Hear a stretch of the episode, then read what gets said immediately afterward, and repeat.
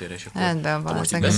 Oké, egy, kettő, egy, Hát ott kettő, van a egy, aha. Túl sok is, ha most ilyen távolságról beszélsz. Ja, hogy itt ez a, ez a rész, a piros a sok, tehát hogy ennyire kell, hogy ilyen sárgás legyen? Aha, és ez teljesen, Jó, így hát már kellemesen jó. Tök Jó, Hát oké. fejem megy, az se gond, ha már mondjuk lehet, hogy akkor. Itt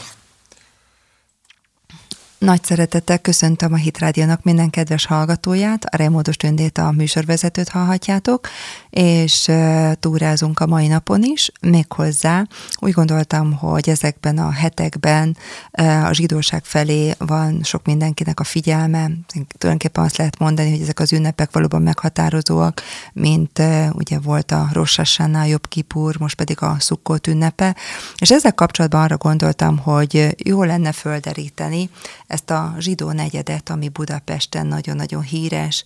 Ugye nagyon sokan úgy ismerik, mint a Buli negyed, na de azért ennek megvan a történelmi háttere, és hát nagyon sok minden van itt, amit jó lenne igazán körbejárni. Arra gondoltam, hogy akkor nézzük meg ezt a, ezt a háromszöget, ahol a három nagyon fontos zsinagóga fölépült, és segítségemre van ebben a beszélgetésben, hogy ezt a területet föltárjuk, Koltai Bálint, méghozzá idegenvezető, a zsinagógának hivatalos idegenvezetője, 20 éve dolgozik a szakmában, angolul, spanyolul, magyarul és héberül tartja a túrákat általában. E, Egyébként elég sok izraeli csoportot szokott vezetni, illetve mosta- mostanában pedig magyarul is elkezdte ezeket a túrákat. Nagyon sok szeretettel köszöntelek itt a stúdióba, Bálint. köszönöm szépen, Tünde, én is köszöntöm a hallgatókat. No, és hát ugye te aztán tényleg tudod, hogy itt mik, mik rejlenek ezen a részen, és hát uh, a zene hozzád a legelső kérésem, kérésem, hogy járjuk egy kicsit körbe, hogy miért is ott van a zsidó negyed, ahol van, hiszen azért egész Budapesten lehet találni zsinagógákat, Óbudától kezdve Kőbányáig, tényleg mindenfele, de, de mégis ugye itt koncentrálódik a, a, a zsidóság, itt koncentrálódott, itt vannak ezek a nagyon fontos zsinagógák. Miért is? Igen, hát tulajdonképpen most ö, darában néztem utána pont ennek a magának a kifejezésnek, a zsidó negyed kifejezése eredetének is, hogy ez tulajdonképpen eléggé új keletű.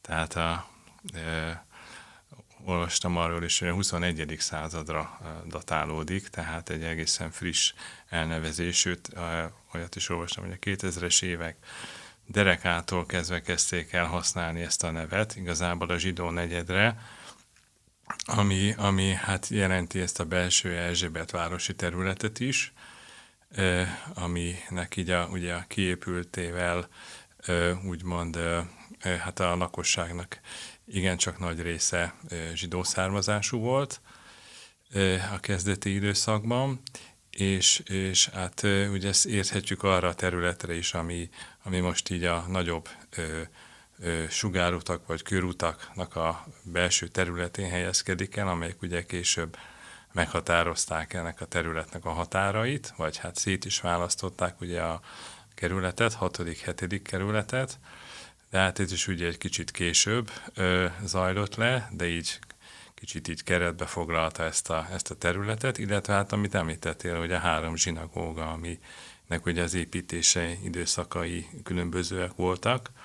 Ugye 1854 a Dohány, 54 és 59 között épült a Dohány utcai zsinagóga, a Rumbak utcai zsinagóga 1874, és a Kazinci utcai pedig 1913-ban készült el, de hát ezt a területet is úgymond igen, ilyen módon zsidó háromszögnek nevezik.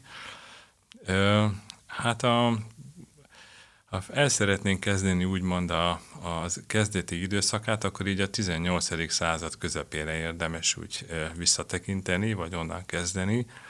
És ugye a, a Óbudáról érkező zsidóság, akik ugye hát ö, fölművelők is voltak, kereskedők is voltak, és a, a nagybirtokoknak a terményeit ugye, árusították a, a e, piacon, ami hát a, a későbbi Erzsébet térnek a területét úgymond foglalta magában, illetve hát később aztán még így a Deák tér is egy ilyen terület volt, sőt a Madás térnek az északi része is. Tehát itt kialakult egy ilyen úgymond piacnak a, a lehetősége, a piacokon való részvételnek a lehetősége, illetve hát az Óbudáról átvezető ilyen Dunai átkelő is oda úgymond irányította az embereket, illetve hát megadta ezt az útvonalat. Tehát olyan könnyen lehetett Óbudáról oda eljutni. Mert ugye nem is lehetett letelepedni korábban a Pesti részen. Pesti részen nem, hát ugye a Pesti városfalon belül egyáltalán ugye nem is engedélyezték, sőt, hát ezelőtt még át, átmenni is, vagy átutazni se lehetett Pest városán. Tehát ilyen módon így ebből a területből ki lett zárva szából a zsidóság, de hát már úgymond helyesen volt túlságosan erre, illetve hát a, ugye a, a, városházának az épülete, ami egy ugye volt katonai kaszárnya volt, ennek az élelmezésének az ellátásában is igen aktívan részt vettek a zsidók, még úgymond a piaci letelepedés előtt, és hát ilyen kanténokban laktak, és Hát ehhez ugye nagyon közel még adott volt egy másik lehetőség, amit szintén nem a zsidók kezdtek el ilyen módon, mert ugye 1840 előtt nem is lehetett saját úgymond tulajdonuk, vagy gazdaságaik. Ezen gondolkodtam is, hogy ugye második József volt az, aki tulajdonképpen egyenlőséget adott, tehát hogy, ő, hogy tulajdonképpen a zsidóságot fölemelte, úgymond a keresztényeknek a szintjére, hogy hogy, hogy nem attól kezdve, tehát hogy, hogy nem a 18. századtól, 1783-ban lett ugye ez az egyenlőség, hogy hogy, hogy nem utána engedték már az építkezést például. Hát ö, szerintem a, ö, az építkezéseknek, hát és hát, hogy ingóságokat szerezzenek, Igen. az, az ö, ö, tulajdonképpen ö, hát így elég, tehát hogy komolyan meg kellett szervezni először a hitéletet. Tehát uh-huh. ha mhm. már azt nézzük, hogy ez, ez elkezdődött, ö, akkor ugye még a vagyonnal nem nagyon rendelkeztek ezek az uh-huh. emberek például, de ugye hát rögtön, a, ahogy lehetőség nyílt, így a lakásokban kezdték megszervezni a hitéletet, uh-huh. tehát 1796-tól beszélhetünk egy, egy kis kétszobás ima szobáról, nem zsinagógáról, ami az Orci házban egyébként nyílt meg. Tehát, de ezt a problémát áthidalva, úgymond, már főleg az Orci házban elkezdtek bérelni különböző helységeket, tehát már így a 18. század második felétől, tehát vagy a 18. század végétől úgymond beszélhetünk erről. Ez egy nagy központ volt ez az Orci ház. Hát igen, az Orci ház, ami körül úgymond kialakult a, az egész zsidó, zsidó negyed, vagy itt hát amitől beszéltünk, hogy mondjuk a kezdeti része, az, az később egy, egy a, a városháza épülete utána a második legnagyobb épületté vált. Uh-huh. Tehát ez is vonzotta oda a zsidókat, tehát már ennek a lehetősége, hogy ugye vásárolni nem vásárolhattak, nem rendelkezhettek is saját tulajdonnal, de viszont bérelni már lehetett. Tehát felismerte igazából az Orci család ezt a lehetőséget, hogy az a járó zsidóság nagyon hamar ki fogja ezt használni, hogy ott ugye különböző helységeket lehetett bérelni, a lakásoktól kezdve a raktárhelységeken keresztül az üzletekig, de tulajdonképpen az Orci ház, ami kezdetben az egyik felét, ez két épület volt, az egyik felét Mayerhofer András birtokolta, a másikat az Orci család, aztán később mind a kettőt az Orci család, és, és tulajdonképpen később ugye több szintet építettek az épületre, Kezdetben ez volt, hát ugye 48 lakás volt benne, és kb. 148 szoba, tehát lent a raktárhelyiségekkel, különböző, különböző kereskedelmi helységekkel, úgyhogy hát ez egy később egy ilyen gigaépületté vált, olyan 300 lakásról is beszélnek amivel, amivel rendelkezett az Orci ház, és hát a híres ugye Orci kávéházzal, ami aztán később hát nagyon sok mindennek lett a helyszíne, ami, amiről így több ilyen ö, megemlékezés is fennmaradt, de 111 évig működött egészen 1936-ig. Ez egy szép hosszú idő. Igen. és hát ö, ö, és hát magát az Orci kávéháznak az a légköre, tehát ami betöltötte, ugye ez ilyen európai szintű ilyen gabonakereskedők és nyersbőr ugye kereskedők kötötték ott az üzleteiket, tehát egy fontos, úgymond kereskedelmi központ, vagy kis bőrze is lett, és hát ott ajánlották magukat a kántorok is például, bemutatva a tudásukat. A Igen, ez szerintem nagyon mókás lehetett, hogy ott elkezdtek énekelni, ott a bőrkereskedés közepette mondjuk. Igen, igen, úgyhogy ez egy érdekes jelenet lehetett, hogy itt a, tényleg így az üzleti viták közben egyten megszólal egy kántor, és elkezd énekelni. úgyhogy, illetve hát a, a magántanárok is ott úgymond próbáltak maguknak növendékeket találni, illetve hát fordítva is.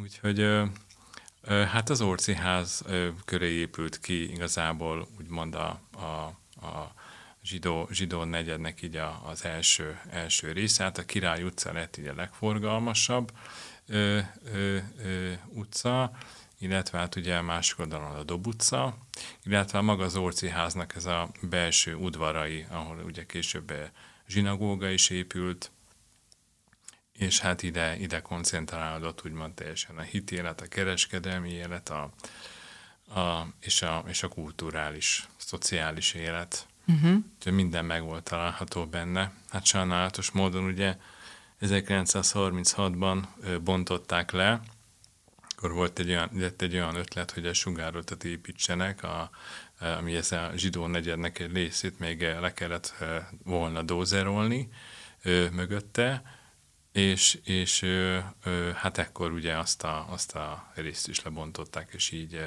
alakult ki a Madács, Madács háza, Madács térrel. Ugye azzal az évvel, nem? Azzal Igen. a kapu évvel az jelentette ott, hogy innen indulna egy másik sugárút. Uh-huh. Igen, uh-huh. igen, úgyhogy ez félben maradt projekt, hát tulajdonképpen végül is lehet, hogy szerencsére, de igen. hát ugye sok minden eltűnt hmm. onnan, úgyhogy át a, a, mind a Dohány utcai közösség, mind a a Kazinci utca, és ugye előtte ott imádkozott már két különböző zsinagógában, amelyek már talán ilyen öt, kicsit több mint 500 férőhelyesek is voltak egyébként. És, nem voltak kicsik akkor?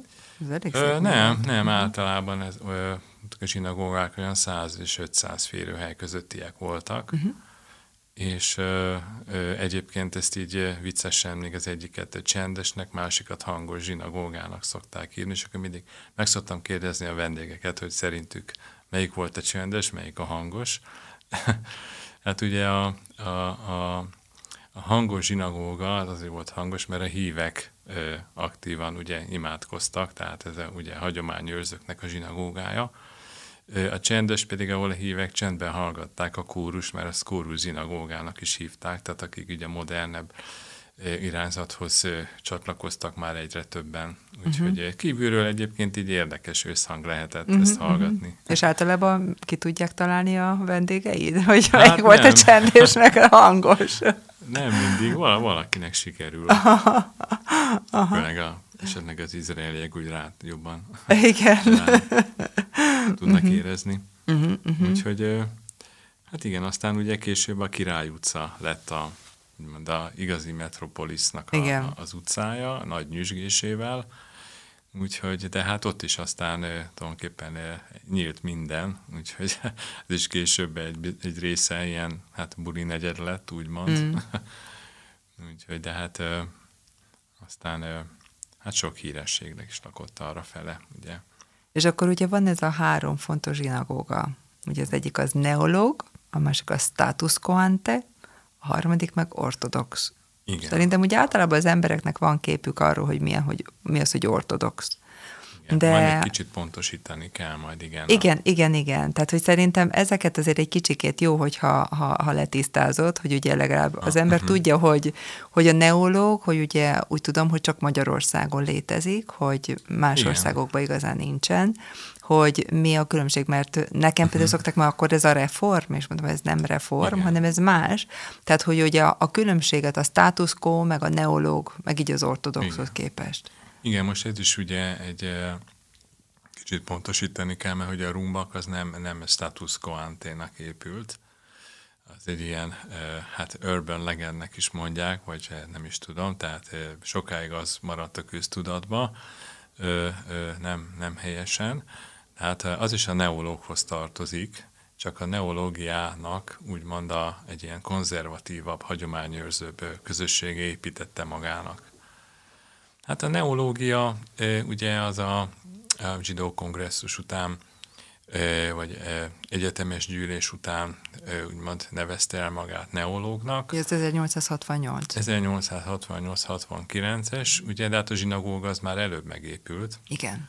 Ö, ö, hát tulajdonképpen ez a, ezek az újítások, amiket ugye bevezettek a zsinagóga belső terének az elrendezésében, illetve hát a zsinagógán kívüli úgymond egyéni hitéletben is, ami megjelent öltözködésben, megjelent a, a napi kommunikációnak a nyelvédelem, amely már nem jiddis volt, mondjuk az ortodox ugye, közösséghez viszonyítva, ez egy, ez egy elég nagy változás volt, illetve hát más ugye egyéni módon megélve a, a hitéletet, tehát e, ebben lehet ugye még jobban elmélyülni, de lényeg az, hogy, hogy ugye e, ezt például úgy, úgy lehetett jobban megismerni, vagy meglátni, hogy, hogy a zsinagógák na, hogy néztek ki, tehát inkább, inkább arról is beszélünk. Uh-huh. Tehát azt mondjuk én úgy tudom, vagy hát úgy tudom, hogy szintén az embereknek jobban elmondani, mert hát ugye főleg akik azért jönnek, hogy megnézzék, Igen.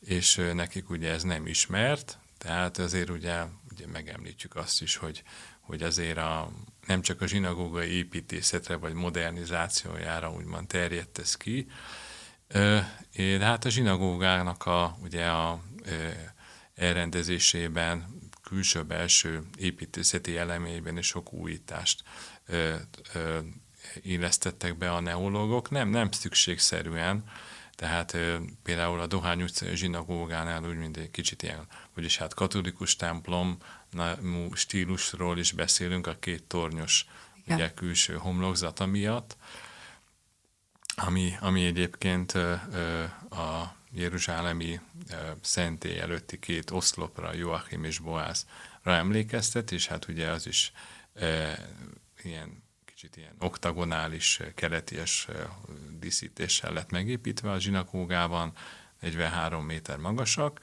de egyébként így nem volt egy megszokott eleme egy zsinagógának, és hát így tulajdonképpen érdekes, hogy a neológ hitközségen belül, tehát miután ez megépült, létrejött egy ilyen zsinagógás társaság, meg templomos társaság, tehát akik mondták, hogy ezeket nem fogadják el, ezeket az újításokat, ami kiterjedt még ugye az orgonának a használatára, és hogy a Tóra olvasó pulpitus, ugye a bíma nem a zsinagóga közepén helyezkedik el, hanem ezt előre vitték egészen a Tóra szekrényhez közel.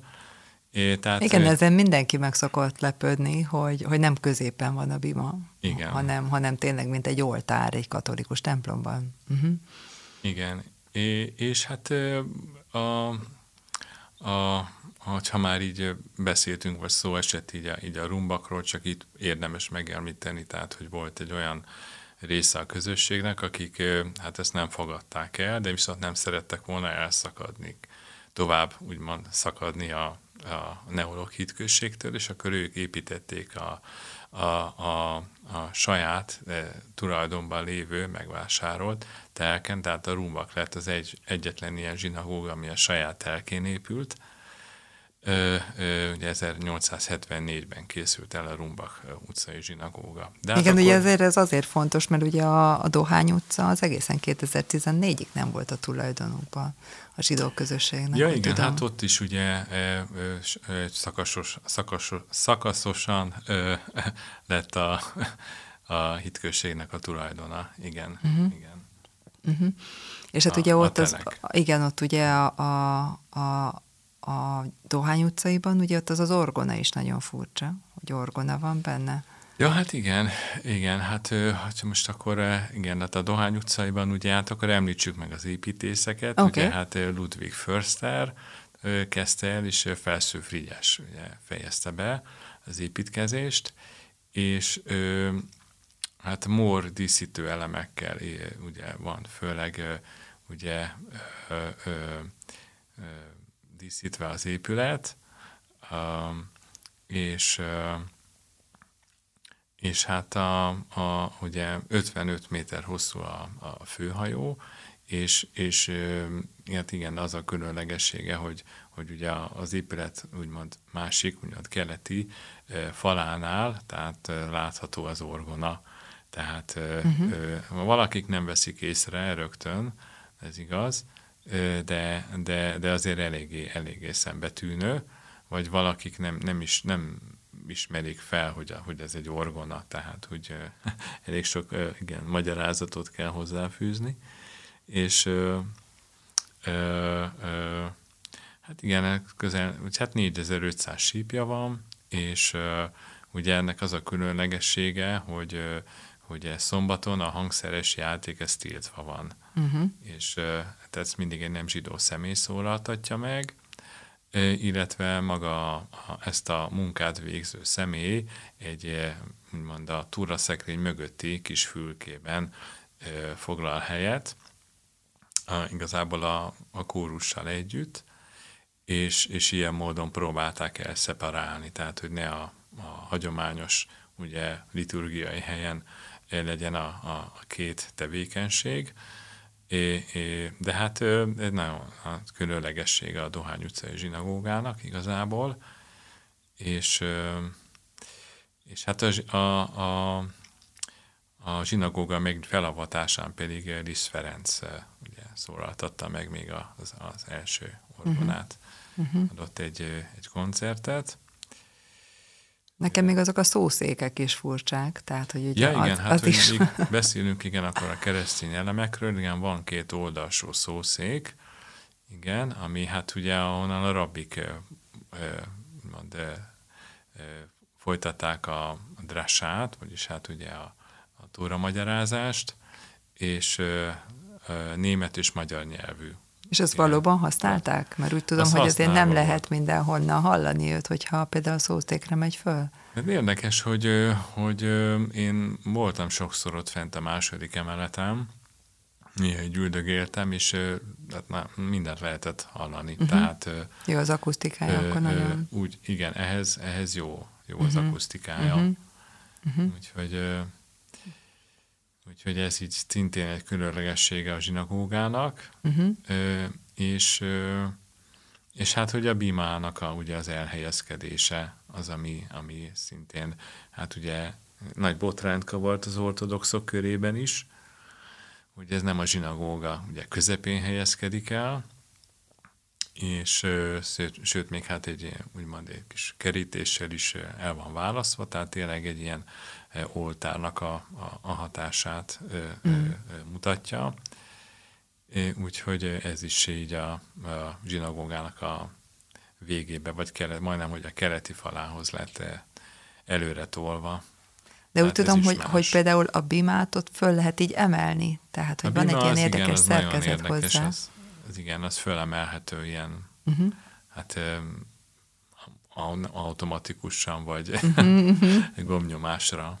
Uh-huh. Igen, és akkor ugye a, nem a, a túraszekrény felé fordul a személy, hanem a közösség felé. Uh-huh. ez is fontos.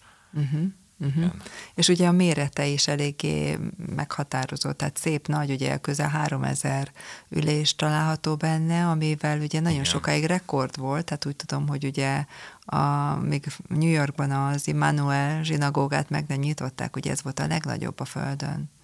Igen, igen, 3000 férőhelyes, tehát nem pontosan 1500-1500 fönt lent, de még ezen kívül van 1000 állóhely is zsinagógában. Az úgy összesen 4000 már. Uh-huh. Ö, igen, igen, és hát a hölgyek a két karzaton foglalnak helyet, tehát hogy ez megmaradt, Uh-huh. annak ellenére, hogy a, hogy a női karzat az például még teljesen nyitott, tehát ez is nagyon különbözik egy ortodox uh-huh. zsinagógának a női karzatától.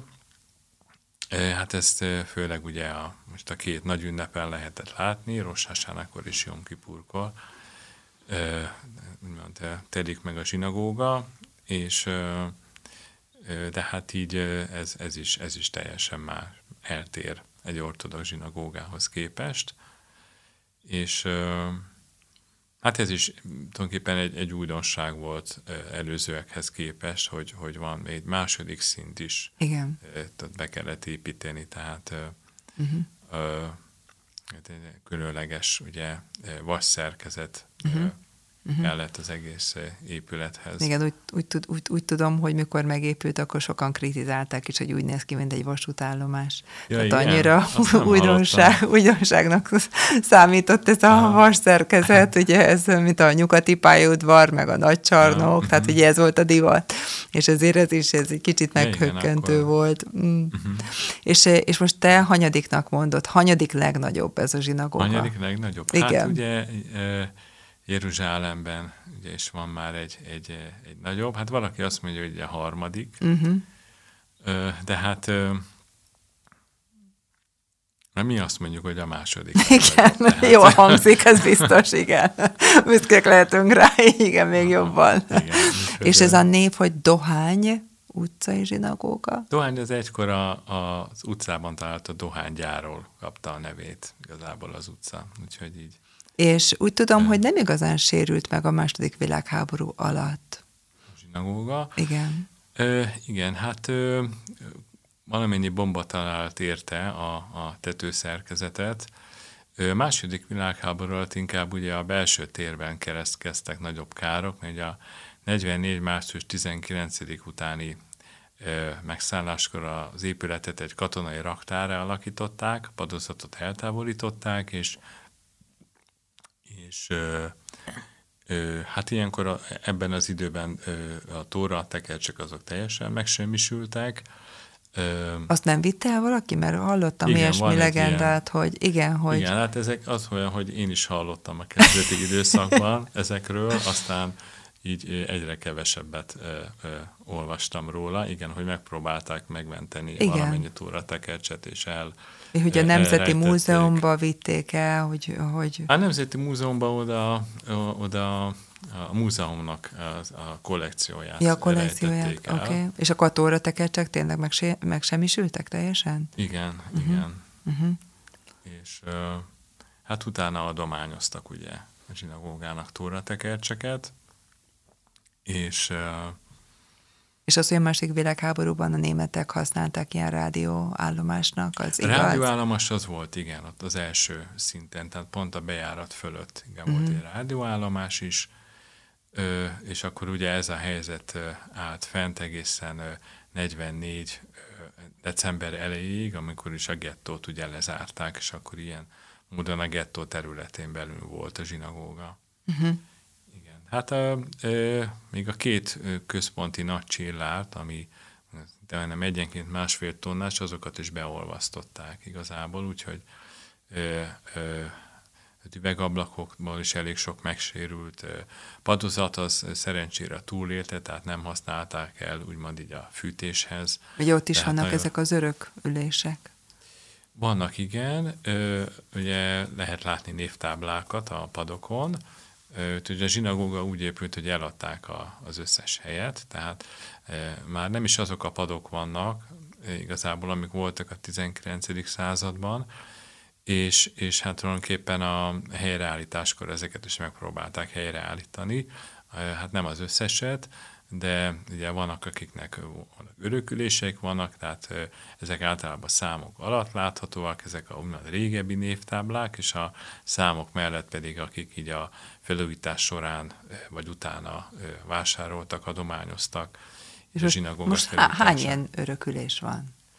Fú, ami hát, tényleg aktuálisan... Aha, hát megmondom őszintén azt, hogy még nem számoltuk nem össze. Oké, okay. okay, jó. Mert ez is egy így érdekes lehet, hogy ugye persze, hogy annak idején mindegyik, de hogy most mennyi az, ami uh-huh. tényleg így aktuálisan tényleg ők ragaszkodnak az, hogy ha bemegy a zsinagógába, ott üljön le. Úgy tudom, hogy Tony Curtis és Estée Lauder adományoztak így nagyobb összegeket, amikor volt a felújítás a zsinagógának. Igen, hát ő létrehozta az Emmanuel Alapítványt, Tony Curtis, édesapja Emmanuel Schwarzról elnevezve az alapítványt, és az alapítványon keresztül, igen, nagyon komoly összeggel segítették a zsinagóga felújítását, és hát ugye az Emmanuel Alapítvány is kötődik a, a kert zsinagóga emlék. Erre a Wallenberg emlékparkban található szomorú fűszfának a úgymond létrehozásához is, illetve hát még most is folyamatban van, hogy az adományozók a, a fának a levelein a elhunyt magyar hozzátartozóikról emlékeznek meg. Uh-huh. Úgyhogy... Az is szimbolikus nagyon ez a fűszfa. Igen. hogy ugye vannak ugye a levelek, amiről így rá vannak, de úgy tudom, hogy az, hogy, hogy így lehajlanak az ágak, tehát az is például az, hogy épp a menórának az ellentéte. Ja, hát hasonlít egy ilyen igen, fejjel lefelé fordított menórára is, mm. Uh, vagyis hát így a kicsit így a sorsokat is szimbolizálja, igen. hogy így elindult úgymond így fölfelé, aztán ugye így, igen. így leágazós. Igen. Ö, ö, igen, ö, igen. Szerintem még érdemes megjegyeznünk, hogy, hogy Herz Tivadar is itt született ezen a helyen. Herzog Tivadar közel, igen, nem pont most, ahol a Zsidó Múzeum épülete van, de attól nem messze, igen, 1860-ban született, és hát az ő bármit szólja, és a Dohány utca zsinagógában volt. Uh-huh. Úgyhogy előtte lévő tér is ugye Herzog Tivadarról van elnevezve, múzeumban is van egy kis emléktáblája, úgyhogy igen, róla is azért, azért uh-huh, uh-huh. Hall, hall az ember, meg igen, hát a cionizmusról, úgyhogy igen. szerintem az is, az is fontos, hogy ezeket megemlítsük, mert igen. még a, a külföldiek is olyan, olyan értetlenül állnak ezelőtt, hogy, igen, igen. hogy mi az, zsidó állam megalakulása, igen, és igen. Herzl Tivadar, és ez így született, szóval úgy, úgy igen. nem, nem igen, igen, igen. ismerik ezt. Igen, meg hát azok is, akik ugye szeretik a Kolotkó Mihálynak most a, az alkotásét keresgélni, ugye a picikéket, uh-huh. ugye ott van igen. a tér előtt is egy, egy kis helyes alkotás, uh-huh. ugye, hogy biciklivel van Herzl Tivadar. Uh-huh. Szerintem az is így abszolút Igen. is stílusos, hogy egy kicsit a modern Budapest is kapcsolódik ugye hozzá a zsinagógához, tehát nem csak a múlt, uh-huh. hanem vannak újabb dolgok is, amik, amik itt megjelennek. Igen, Úgyhogy igen, ez jó pofa, szeretik a... Igen, igen, hogyha megtalálják, úgyhogy ez feladat a kedves hallgatóknak, hogy ezt is megkereshetik, igen. ezt a kis táblácskába, igen, igen. Ezt, a, ezt a kis szobrot. Ez kedves, nagyon, igen. Igen, igen, igen. És, és ugye a kertben, még ott a Róval ember kertben van rengeteg név felírva. Ugye ott van Anta Józsefnek is a felirata, a nevének a felirata, ugye ők voltak azok, akik a zsidókat mentettek. Igen, zsidók mentökről is, ugye világigazajnak is van egy emlékműve, sőt a magyar állampolgárok is, akik ugye zsidókat rejtettek, bújtattak el saját házaikban, igen, ő, ő róluk is ugye van egy külön ö, emlékhely, emléktáblákkal, úgyhogy ö, igen, az is fontos. Meg hát a temető. Hát sajnos igen, ez sajnálatos módon ugye itt a zsinagóga mellett lévő belső kertben, a gettó felszabadításakor ugye megtalálták az elhunytakat, és hát az a helyzet alakult, ő, ő, hogy ő, még ugye nem tudták használni a, a temetőket, és hát nagyon gyorsan kellett elhatározni, hogy ugye hát mi legyen a sorsuk a, a, az elhunytaknak, és a zsinagóga melletti ugye belső kertben, így 24 tömegsírban 2281 főt temettek el. És hát utána ugye egyre több és több emléktábla lett elhelyezve, de itt még az az érdekesség, hogy hogy a, azok is helyeztek el emléktáblákat, akiknek nem volt ott elhunyt hozzátartozójuk, de viszont sehol nem volt semmilyen ugye, megemlékezési lehetőség, illetve hát a zsidó temetők jóval messzebb vannak, város külsőbb részein, és így azok is helyeztek el úgymond ilyen szimbolikus emléktáblákat, akiknek hát nem a, nem a gettóban, vagy nem tudják, hogy ugye a hozzátartozóik hol, hol hunytak el. Ezt például én sem tudtam. Igen, sok-sok újdonság van, ugye, mert mi uh, így kapcsolatban vagyunk a zsidó levéltárral is, Igen. tehát ott is, uh, mm.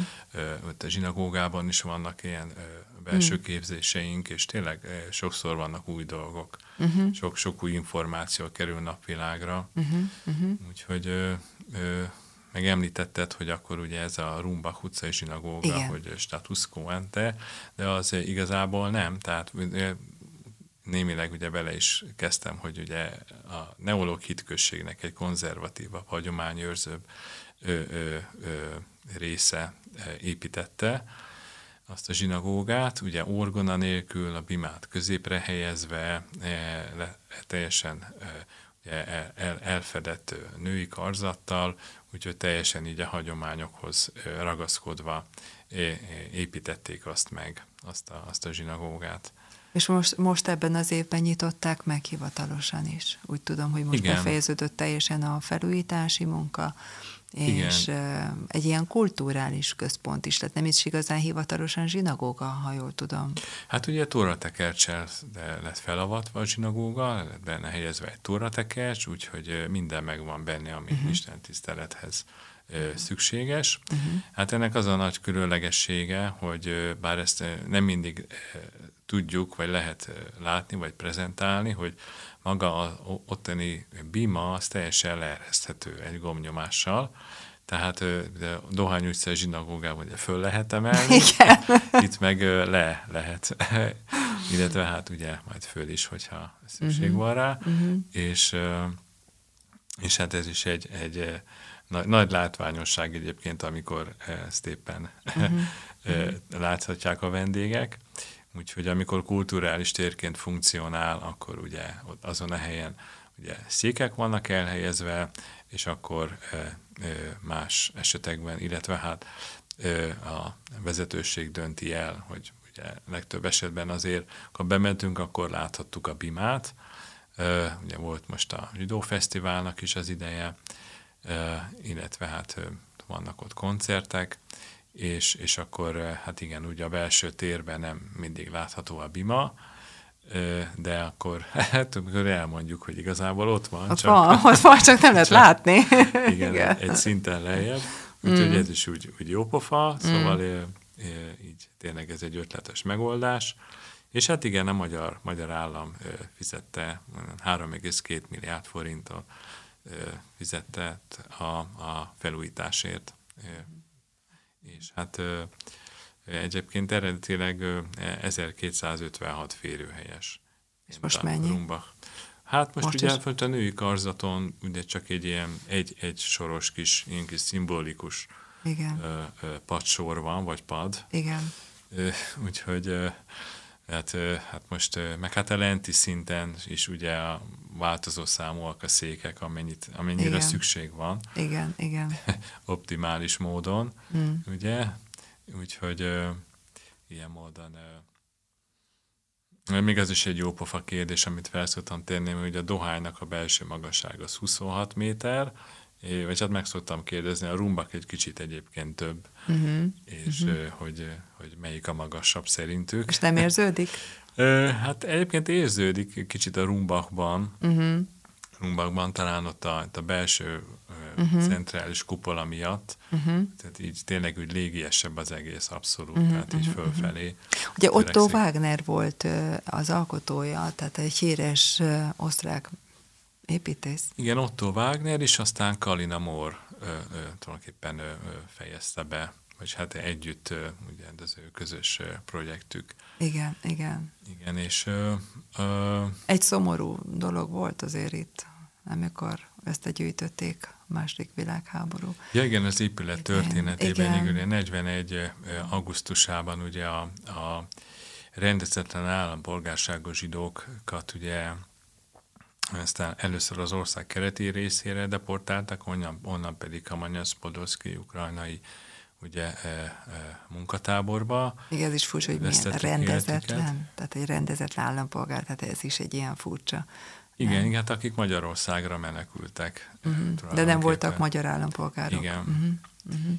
Igen, és hát ugye a zsinagóga farán is van kint egy, egy emléktábla, ugye 16-18 ezer főt deportáltak aztán Kamanyasz Podolszkiba, tehát ez volt ugye a, a magyarországi soának, holokausznak az első állomása, úgymond.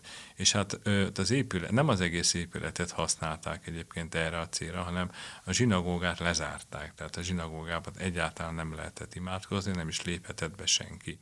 Tehát a másik részét, ami ugye hát ilyen ö, ö, lakófunkció, illetve irodai funkciókat betöltő helységek voltak, zsinagóga dolgozói részére, tehát az, azt a részt használták, Aha. a zsinagógát azt, azt lezárták, uh-huh. ilyen módon aha. választották. Aha, aha. Mikor volt a bejárás, még mielőtt így megnyitották a, a zsinagógát, nekünk azt mondta el az ottani hölgy, hogy, hogy kell, hogy legyen mindenhol egy kis hibának lenni. Ja, Mert igen. hogy ugye itt is beleraktak direkt úgymond egy kis hibát a felújítás során. Ez nekem nagyon tetszett. Igen, tehát hogy ugye a zsinagógák ilyen módon valamire emlékeztetnek is a Jeruzsálemi Szentére, de hát mindig megemlékezünk, hogy ezt lerombolták, és hát így a zsinagóga nem lehet tökéletes. Egyébként a Dohány utcaiban is van ilyen, egy ilyen festés nélküli rész a, a karzaton, a, a Rumbak utcaiban is van, hát most nem tudom, hogy a felújítás során ez hogy, vagy ez hol, hol lett elhelyezve igazából. Érdekes, hogy én ilyen épületbejáráson nem voltam, mm. de, de hát mégis többször voltam már fönt, tehát a feladat neked megkeresni, hogy hol van a igen, hiba. Igen, én egy hibát nem találtam, sőt, egy kicsit, kicsit olyan erős is volt nekem, túl erős uh-huh. volt ez a falnak a díszítése. Aha, aha. Uh, tehát nem az, hogy éppen a, valahol hiányt fedeztem volna fel, hanem inkább uh, túl sok is volt. Aha, aha. Uh, tehát majd olyan módon, hogy nyilván, hogyha messzebbről nézed, Igen. Akkor, akkor ugye tök más hatást fejt ki, mint Igen. amikor így Igen fölmegy az ember a karzatra, és akkor igen, e, igen, onnan igen. nézi. Akkor azért pár szót szóljunk erről az ortodox zsinagógáról is, amit az, az Öfler testvérek építettek. Öfler testvérek, igen, 911 és 13 között épült, és hát ugye a gyönyörű üvegablakokat pedig Rót Miksa tervezte, és hát a, az ortodoxia ugye a, ezelőtt az Orszínházban gyűlt össze, és hát ugye kinőték azt, úgymond azt a helyet, és egy irodákat is szerettek volna ugye egy helyre építeni, tehát egy ilyen kis közösségi teret hoztak létre, meg egy hitközségi központot, úgyhogy, úgyhogy ott a zsinagógának az épülete, még azelőtt volt ott egy iskola is, egyébként egy elég nagy iskola, és, és Hát itt, itt igazából egy nagyon hosszú felújításnak az eredményét láthatjuk, tehát a többi két zsinagógához képest itt ez egy nagyon hosszú, majdnem két évtizedes felújítás volt, amit, amit láthatunk, de, de hát teljesen helyre lett állítva, úgymond. Ezer fős, ha jól tudom? Körülbelül ezer fős, uh-huh. igen, uh-huh. igen. És hát két női karzat van, tehát ezek a ilyen föld, föld színek, meg természetből vett színeket használtak. Ugye a, a nagyon dús a belső díszítése a falnak, különböző, hát ilyen non-figuratív díszítései is nagyon, nagyon eltérnek így a hagyományos ortodox zsinagóga belsőtől. Szerintem egyébként nagyon szép. Hát igen, tehát ezek a kicsit a, a magyar népi motívumok, igen, ez illetve hát a zsidó uh-huh. szimbólumok lettek úgy néha feldúsítva, vagy Igen. Kiegészítve. A ma, sok magyar népi motémum van, mm. például a padozaton is, is megjelennek ilyen Dávid csillagok, menórák, Tulipánok. faragványok, igen, fák, ugye, tehát így a természetből, meg hát főleg ugye a, a, ott a boltozat az, ami, amiben ilyen kis, ö, ilyen, ilyen szigetszerűen lettek elhelyezve ezek a, ezek a díszítések, uh-huh. ami szintén így különleges uh-huh. ilyen módon, és ö, ö,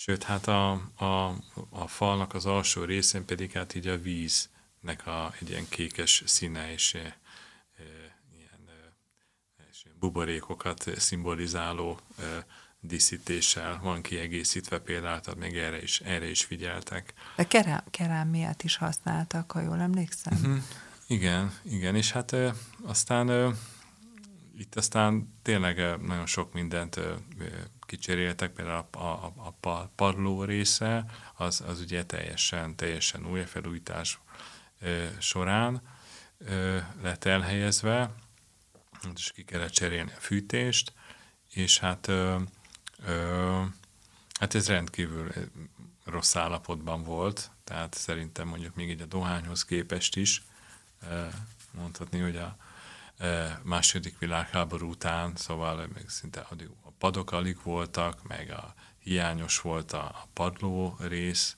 tehát nem is lehetett mindenhol járni, uh-huh. úgyhogy tényleg így uh-huh. komoly munkát végeztek. Uh-huh. És ugye ennek nincsenek tornyai. Ja, ennek nincsenek tornyai, igen, a külső része az, az kifejezetten nagyon, nagyon egyszerű, tehát ez a, ez a vöröstéglás igazából épület, és a, a, azért a hiber idézet azért eléggé, eléggé szembetűnő a tetején. Igen. Külön bejárata van a férfiaknak, a hölgyek ugye a két oldalsó bejáraton közlekednek. A férfiak pedig a főbejáraton. Igen, férfiak uh-huh. a főbejáraton, és... Ez, ez ugye nincsen meg se a Dohány utcánál, se a Rombaknál. Uh, szerintem megvannak, me, megvan, tehát van oldalsó bejárat a Dohánynak is. Tehát, hogy ahonnan is. a hölgyek mennek be, és a férfiak pedig van, a csak most le vannak zárva. Uh-huh. Tehát most, de, meg, de általában ugye úgy szokott lenni, amikor vannak például ilyen zsidó ünnepek, hogy akkor a hölgyek a Dohány utcában is az oldalsó bejáraton hát mennek nem, be? Nem, Már nem. Nem, hát a főbejáraton mm, megy uh-huh. be mindenki. Uh-huh, uh-huh, Attól uh-huh. függ, hogy ugye ahogy a kazatra kell fölmenni, igen. akkor, akkor már ott már más, más az irány. Persze. Aha, igen, igen, igen, meghatározó. És most hány zsidó lakosa van nagyjából a zsidó negyednek? Mit mondasz? Ú, hát a zsidó negyednek? Hát arról én, én megmondom őszintén, most én nem, nem találtam hát az, nézzük az ortodox közösséget, akkor esetleg ezeket lehet úgymond figyelembe venni, ugye akkor a Habár Lubavics közösséghez is azért érkeztek sokan. Igen. Mert az mondjuk egy eléggé, eléggé változó. Igen. Ö, hát én, én pár százról beszélnék. Mm. Szerintem ez abszol- mm. nem is egy állandó szám, nehéz megmondani. Igen, igen. Hiszen ugye rengeteg épület ö, ö, teljesen lepusztult, tehát igen. nem is használták, mm. igaz, hogy felújították, Hát igen. De ott meg már nehéz meg, megmondani, hogy kik jöttek vissza, kik laknak ott. Hát igen, mert azért régebben azért ez egy virágzó rész volt, tehát ahol sok bolt volt, mindenféle ékszerboltok, meg, ja. meg mindenféléket árultak ott a másik világháború előtt. Igen, hát ott, ott például pontosabb adatok vannak, tehát például 1913-ban, 6.-7. kerületben 120 ezer fő volt a zsidó lakosság száma. Hm ami azért nagyon szépen, most úgy tudom, hogy például ott a belső részben, hogy is van, igen, ugye a legkisebb kerület és a legnagyobb lakosság van, tehát hogy arányaiban, tehát hogy ugye tényleg így nagyon, nagyon azt lehet mondani, hogy zsúfolt valahol. Uh-huh, uh-huh, uh-huh. Meg hogy amikor a gettó volt, ugye 12 ezer embert lakoltattak ki, és 70 ezret uh-huh. költöztettek Igen. az ő helyükre. Uh-huh. Igen. Uh-huh. És még így a zsidó negyeddel kapcsolatban mit, mit említenél meg? A Gosdúdvar például? Ja, mondjuk nekem is pont most a Gosdúdvar jutott Ugye? eszembe, mert arra szoktuk folytatni a sétát. Igen. És ö, ö, hát ez is egy, egy igazából eléggé, eléggé különleges pont most, hogy ugye nem régiben 2009-ben fejeződött be ott a felújítás, és hát ugye a 20. század elején épült, 240 méter hosszú egyébként, és hát tulajdonképpen a, szerintem már a, főleg a Király utcának a túlzsúfoltsága miatt így szerették volna összekötni a Király utcát a Dob utcával. És akkor egy ilyen belső ö, ö, sétáló utcát hoztak létre ezekkel a kis, kisebb-nagyobb belső ö, udvarokkal, ami egyébként úgy azon a területen tipikus uh-huh. ezek az átjáró házak, vagy folyosók, és de hát itt, itt lehet látni a leg, leg, legjobban, hát a felújításnak is köszönhetően. Ennek is ugye a nagy része aztán a gettó területén volt megtalálható, és, és hát sajnos így most így a mostani használatából kifolyólag, hát ugye vannak ezek a hétvégi vásárok. Igen sok iparművész is ugye megjelenik, és hát ez egy jó, jó terület, meg jó hely is arra. Hangulatos hogy, szerintem hogy, nagyon. Hogy mm-hmm. ezt így feldobja ezt az egész helyet. Szerintem ez így, ez így most sokat segít a, mm-hmm. a mhm. helyen. Hát mm-hmm. éttermek azok már szerintem nem olyan nagy újdonság. Amikor elkészült, akkor, akkor úgy, ugye új volt, és, és akkor mindenki kíváncsi volt rá, hogy, hogy milyen. Most Igen. már, most már kevésbé e, tudom, érdekes, meg hát ilyen éttermeket lehet máshol is lehet találni tulajdonképpen, de, ez de a, ezek a... Bocsánat, ezt a Gosdú nevet, ezt szerintem, hogy miért Gosdú, is Gosdú, Manó, Gosdú igen. Emmanuel Gosdú Manó, ugye ő román származású, nem zsidó személy volt. Ő nem zsidó volt. Uh-huh. Ő, ő támogatta a román ortodox egyháznak különböző épületeit, építéseit. Van is egy román, egy, egy ortodox templom a, a, Holló utcában. És akkor hogy került ha. a zsidó negyedbe? Hát aztán ő, ő, ő, ő, ő ügyvéd is volt, és hát így befektetett befektetési mhm. célra uh-huh. így Látta, hogy nem rossz ez a hely ahhoz, hogy, uh-huh, hogy onnan azért legyen neki szép kis bevétele, ugye a bérleti díjakból gondolom, meg a igen. az üzleti bérletekből. Aha, és akkor azért. Hm. Nagyon jó. Hát szerintem elég jó kör, körbejártuk ezt a zsidó negyedet, legalábbis a legfontosabb részeit mindenképpen. Tehát, hogy azért a három zsinagógát, akkor a Gosdú negyedet, akkor egy kicsit a történetét, tehát szerintem azért ez, uh-huh. ez éppen elég okot ad arra, hogy kedves hallgatók, menjetek el és sétáljatok egyet a Gosdú negyedben, illetve a Gosdú udvarban, illetve a Zsidó negyedben, vagy megnézzétek esetleg a zsinagógákat belülről is, már e, ugye be lehet menni a rumbakba is, tehát hogy ma az is látogatható. E, ugye a, az ortodoxot korábban is, illetve a Dohány utca is korábban már látogatható volt. Ugye ez is egy, egy nagyon fontos része magának Budapestnek, úgyhogy szerintem tényleg érdemes mindenképpen megemlíteni ezt a negyedet. Úgyhogy én nagyon köszönöm, Bálint, hogy itt voltál, és ezeket az érdekességeket elmondtad, és kedvet csináltál ahhoz, hogy, hogy menjünk és sétálgassunk egy kicsit a zsidó negyedben. Köszönöm szépen! Én is köszönöm szépen a meghívást, és eh, viszont hallásra a kedves hallgatóknak. Minden jót kívánunk nektek, jó hétvégét, sziasztok!